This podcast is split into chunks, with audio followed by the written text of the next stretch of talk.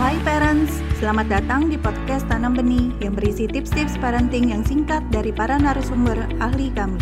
Untuk mendapatkan tips-tips terbaru kami, follow podcast Tanam Benih. Yuk kita dengarkan bersama.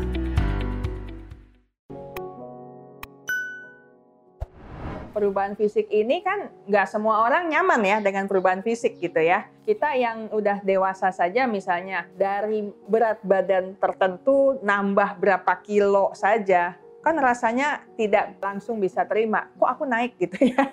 Terutama buat perempuan kan sensitif nih urusan berat badan gitu ya. Kalau turun mungkin nggak terlalu masalah, kecuali yang pengen gemuk tapi kok turun terus gitu, itu itu masalah buat dia. Tapi rata-rata orang kalau misalnya dia punya ukuran ideal, timbangan ideal gitu, tahu-tahu ada pertambahan, kan dia juga nggak nyaman. Itu baru urusan berat badan. Bagaimana dengan anak perempuan yang tadinya dia bisa lincah ke sana ke sini gitu ya, lompat sana sini, eh tahu-tahu menstruasi ya dan terbatasi. Menstruasi juga ada rasa nyeri mungkin ya dan dia belum pernah mengalaminya. Dia shock gitu kan. Terus berikut-berikutnya juga mungkin dia karena belum terampil ya dengan penanganan menstruasi. Misalnya tembus gitu ya. Darahnya tembus gitu ke pakaiannya. Terus temennya lihat gitu misalnya. Itu gimana?